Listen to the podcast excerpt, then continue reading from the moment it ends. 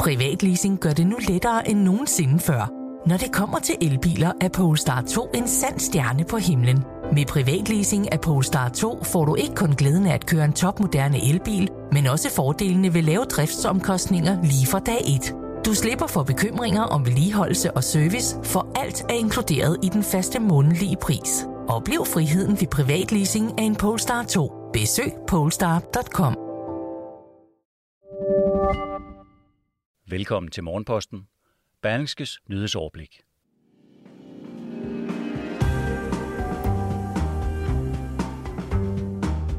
Man taber jo underkæben, siger politisk kommentator om timingen for offentliggørelsen af, at de slettede sms'er i Mink-sagen ikke kan genskabes. Reaktionerne på Christian Thulesen Dals beslutning om at trække sig som formand for Dansk Folkeparti er delt i to. I hvert fald internt i partiet. Og så er det i dag, at en af de helt centrale skikkelser i Mink-sagen skal afhøres, og det er statsminister Mette Frederiksens højre hånd, departementschef Barbara Bertelsen. Ja, der står politik på det meste af morgenposten denne torsdag. Godmorgen, det er den 18. november. Mit navn er Mette Melgaard.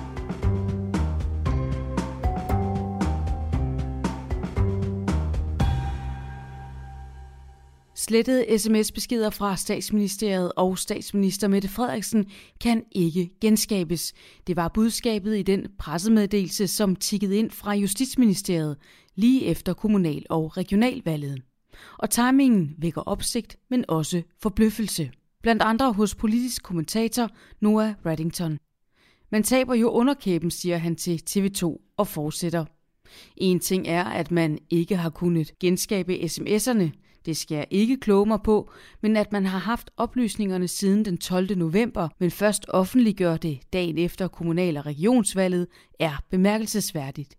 Regeringen gør det ikke let for sig selv, siger Noah Reddington. Ifølge Justitsministeriet skulle man bruge tid på at undersøge, citat, et meget begrænset antal, citat, slut. Noah Reddington er overbevist om, at regeringen har draget fordel af situationen og dermed har undgået at offentliggøre den upopulære besked inden valget. Det er jo smart at blande tingene sammen, for det er det, de gør, siger den politiske kommentator til TV2.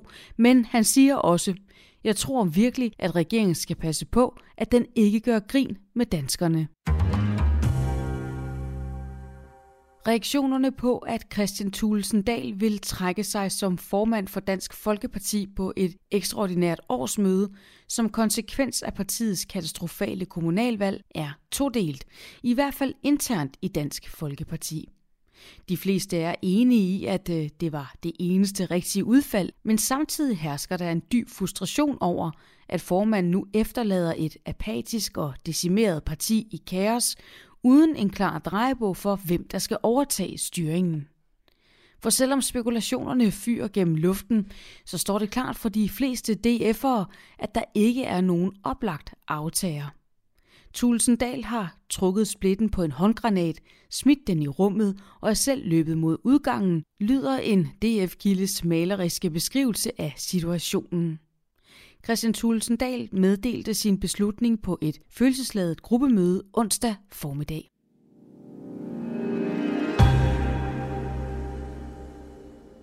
Og vi er ikke færdige med konsekvenser af kommunalvalget. For Socialdemokratiet fik også noget af en vælgerlussing, der vækker bred opsigt, og som ifølge en valgekspert kan få mere grundlæggende konsekvenser. Socialdemokratiet har haft held med at fange midtervælgeren. Ham vi kalder Blå Bjarne, som går ind for stram udlændingepolitik, er kortuddannet og bor i provinsen. Det siger valgforsker og ekspert i kommunale valg ved Aarhus Universitet, Martin Vines Larsen. Men det vi ser nu, er, at strategien kommer tilbage og bider dem, og at flere byer bliver mere blå. Spørgsmålet er, om denne kosmopolitiske, højt uddannede vælger, som er godt ved muffen, også kan blive en afgørende svingvælger, hvis Socialdemokratiet ikke får stoppet den her blødning, uddyber valgforskeren. Nederlaget kalder på selvrensagelse, lyder det fra egne rækker og tidligere topfolk i partiet, som Berlingske har talt med. Flere lægger op til en intern debat om, hvorvidt man, som led i en landspolitisk strategi rettet mod provinsen, har lagt sig for hårdt ud med storbyvælgerne. Vi skal videre til det faste indslag, lydartiklen fra Berlingske, som sætter scenen forud for dagens afhøring i min kommissionen. Hun er vant til at svinge takstokken. Faktisk er hun overhunden i centraladministrationen, som en professor formulerer det. Mens kritikere mener, at statsministeriets departementschef Barbara Bertelsen tilsidesætter de klassiske embedsmandsdyder, så siger andre, at hun måske snarere er billedet på en departementschef anno 2021. I dag er det dog ikke departementschefen, der stiller spørgsmålene, det er min kommissionen.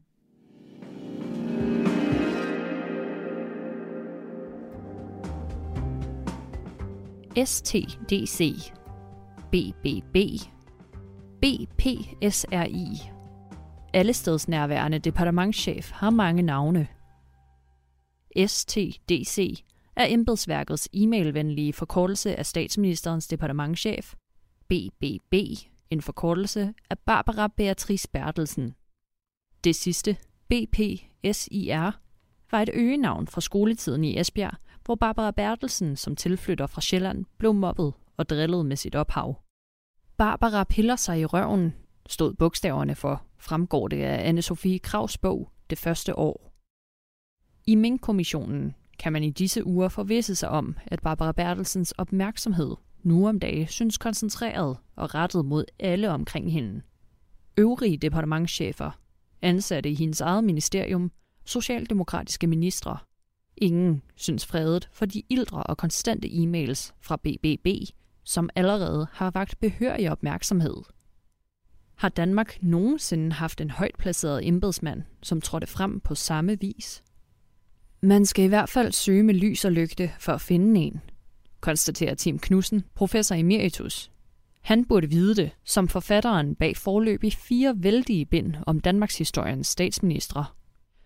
Det er rigtigt nok at sige, at opmærksomheden om hende i omfang og i så lang tid er ret enestående, mener Tim Knudsen. En uvidenskabelig test på Infomedia synes at bekræfte analysen.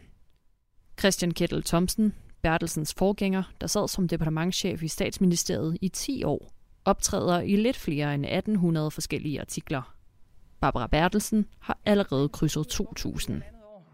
Og jeg er faktisk ikke i tvivl om, vil jeg gerne have lov til at sige, at hvis ikke vi havde haft de embedsmænd i centrale ministerier i Danmark, som vi har haft, så havde vi ikke klaret den her krise så godt, som vi har. Så ja, øh, der kan være råd en finke af panden, og mere end det. Lev med det. Mink-kommissionen blotlægger først og fremmest begivenhederne frem til og efter den ulovlige ordre om at aflive alle landets mink 4. november 2020. Men sekundært er den blevet et studie i Barbara Bertelsens virke. I tankegangen hos den 48-årige departementschef, i tonen, i strategien. Torsdag sætter hun sig i vidnestolen kl. 09 i retten på Frederiksberg. Ingen andre vidner er indkaldt samme dag, så kort sagt – Kommissionen, anført af udspørger Jakob Lund Poulsen, ventes at have mange spørgsmål på blokken til Barbara Bertelsen. Det var ikke givet på forhånd. Det var et kortere uddrag fra en længere artikel fra Berlingske, som er skrevet af Michael Alsen og Tobias Reinvald. Du finder så altid dagens lydartikel i sin fulde længde på berlingske.dk. Her kan du både lytte eller læse, som det passer dig bedst. Og vi bliver hos mængdene lidt endnu. Almindelige mennesker kan ikke, citat, deponere deres sunde fornuft på et mentalt fjernlager, citat slut. Det samme gælder for Mette Frederiksen i Mink-sagen. Det mener i hvert fald Lasse Lund Madsen, professor ved Juridisk Institut på Aarhus Universitet. Han var frem til oktober 2020 udpeget som ekspert i strafferet i regeringens eget ansvarsudvalg. Statsministerens øh, nej-svar på spørgsmålet om, hvorvidt hun ikke selv har et ansvar for beslutningen i Mink-sagen, burde i stedet have været besvaret med et jo, naturligvis. Og det skriver Lasse Lund Madsen blandt andet i en kronik i Berlingske i dag.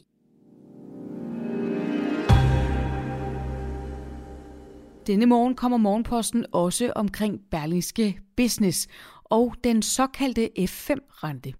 Som et resultat af Totalkredits auktion over obligationerne bag flekslån, er den ikke længere negativ. Renten ligger nu i 0,14 procent, og den ventes ikke at ændre sig markant under de kommende dages auktion.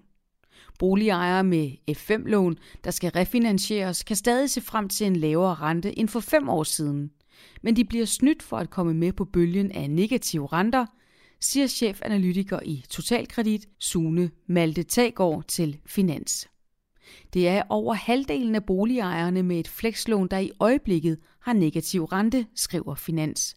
Selvom de negative renter på F5 er et overstået kapitel, betyder det ikke, at det samme gør sig gældende for andre typer af flekslån. For eksempel tyder alt på, at F1-lånet for 20. gang i træk vil lande i minus. Selvom valg og politiske sms'er tager en del opmærksomhed, så er der flere politiske begivenheder, der finder sted i dag, som er værd at holde øje med. Som nævnt afhøres statsministeriets departementschef Barbara Bertelsen i Mink-kommissionen. Justitsminister Nick Hækkerup er kaldt i samråd om offentligt ansattes ytringsfrihed, og det sker efter Berlingskes afdækning af akutberedskabet i Region Hovedstaden. Også minister for Fødevare, Landbrug og Fiskeri, Rasmus Prehn, er kaldt i samråd i dag, og det handler om dvaleordningen for minkproduktion i Danmark. Og så skal vi også lige have med, at forskudsopgørelsen for 2021 fra Skat er klar.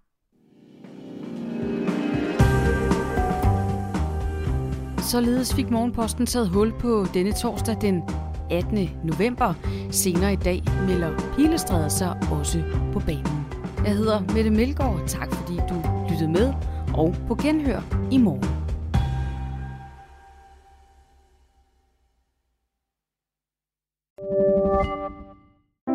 Privatleasing gør det nu lettere end nogensinde før. Når det kommer til elbiler, er Polestar 2 en sand stjerne på himlen. Med privatleasing af Polestar 2 får du ikke kun glæden af at køre en topmoderne elbil, men også fordelene ved lave driftsomkostninger lige fra dag 1. Du slipper for bekymringer om vedligeholdelse og service, for alt er inkluderet i den faste månedlige pris. Oplev friheden ved privatleasing af en Polestar 2. Besøg polestar.com.